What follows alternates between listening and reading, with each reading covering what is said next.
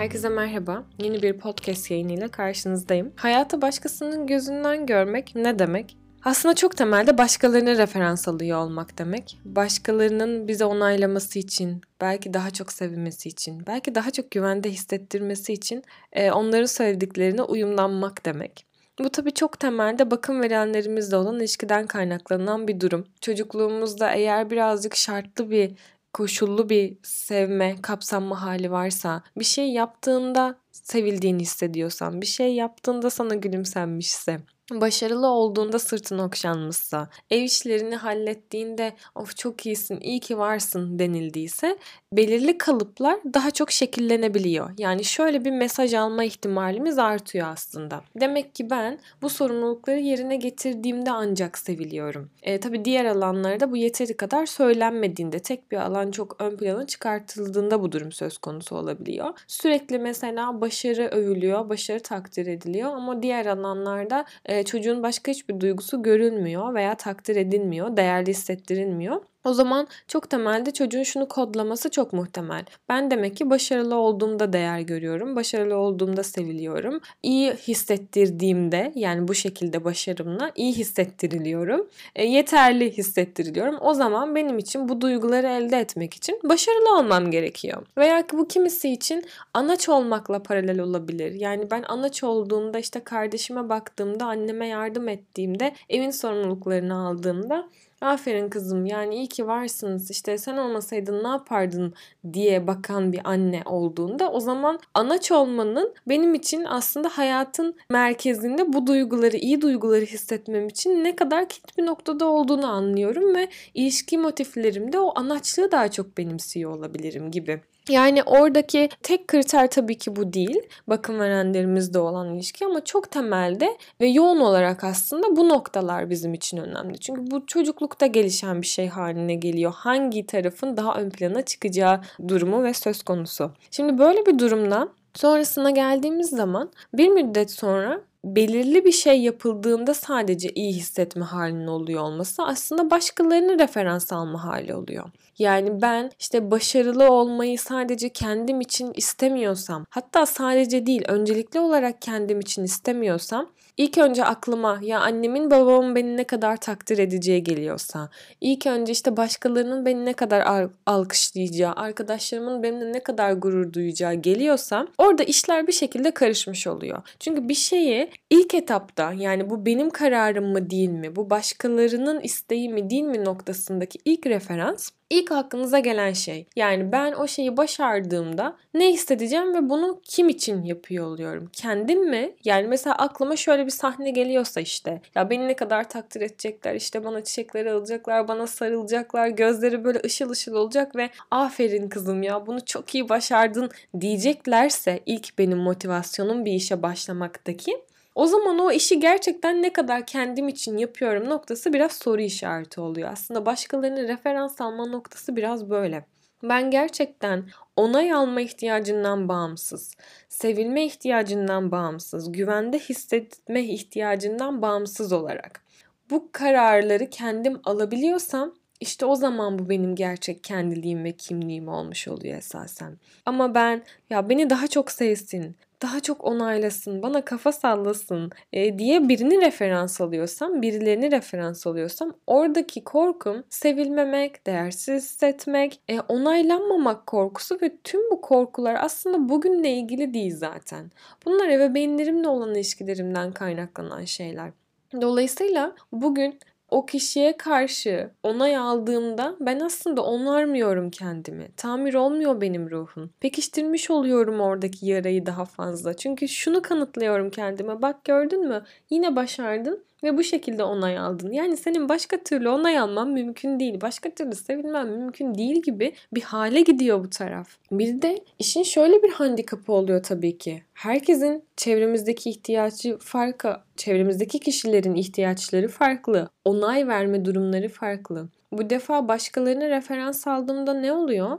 Herkesin ihtiyacı farklı, herkesin söylediği şey farklı. Ee, biri diyor ki şöyle yaptığında çok daha iyi görünüyorsun. Biri diyor ki şunu giydiğinde çok daha iyi oluyorsun. Biri diyor ki şöyle gülümsediğinde bu çok daha iyi. Ve ben bunların hepsini alıp hemen işle e, içselleştirdiğimde bunu evet ya haklılar bak şöyle yapayım diye hemen bunu hiç sorgulamadan veya ben bu ne kadar bu bana uygun değil noktasını düşünmeden hemen dönüştürme gayreti içerisinde oluyorsam veya dönüştürmediğimde sıkıntılanıyorsam Burada da bir soru işareti oluyor zaten.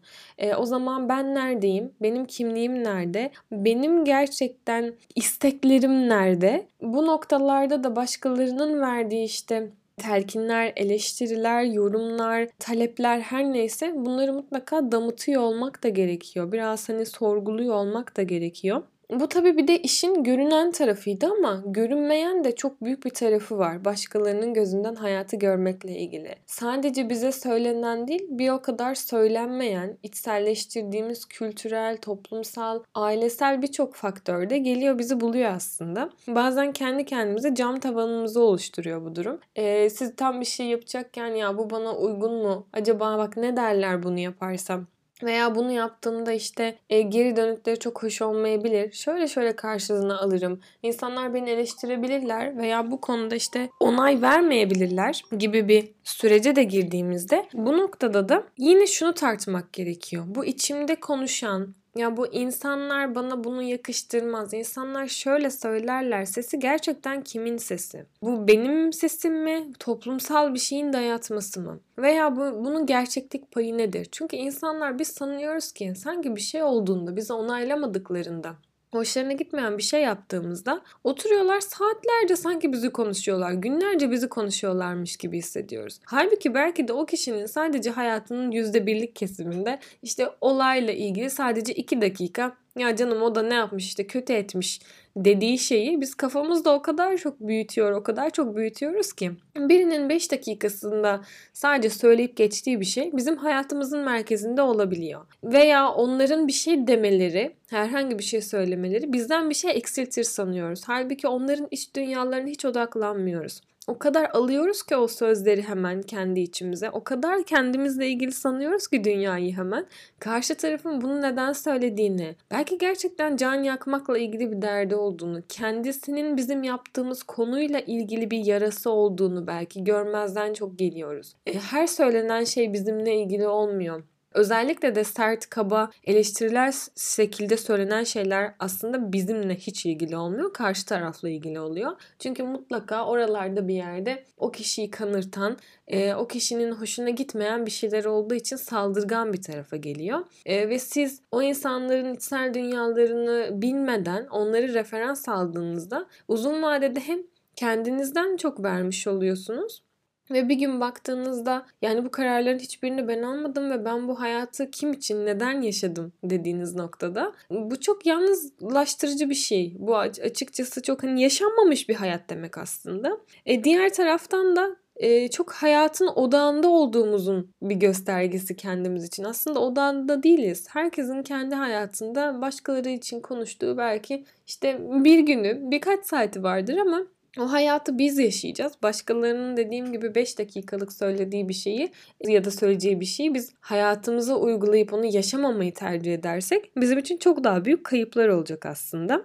Ve şunu da unutmamak gerekiyor. Sizin neyi neden yaptığınızı, hangi yollardan geçtiğinizi, hangi çukurlara düştüğünüzü, nasıl kalktığınızı, nasıl debelendiğinizi hiç kimse bilmiyor. Anlatsanız da bilmiyor çok yakınınızda olsa da bilmiyor. Gerçekten onu yaşamadığı için bilmiyor. Siz de aynı şekilde başkasınınkini aynı şekilde bilemiyorsunuz. Bilemezsiniz de. Dolayısıyla o kadar basit ki birine karşı bunu neden yapmış, ah çok kilo almış, ah saçma sapan ilişkiler yaşamış, ah niye işte oraya gitmiş, keşke şöyle yapsaydı, şöyle gülseydi, şöyle kıyafetler giyseydi diye eleştiriliyor olmak çok yüzeysel bir bakış açısı olurdu zaten. Yani ve bunu alıp içselleştirmek. Sizin ne yaşadığınızı kimse bilmezken sadece hap bir bilgi gibi alıp da Aa, bunu söyledi ve bu demek ki doğrudur diye onu hayatınıza entegre etmek mümkün değil. Ne yaşadığınızı sadece siz biliyorsunuz ve insanların hayatında sandığınız kadar yer teşkil etmiyorsunuz.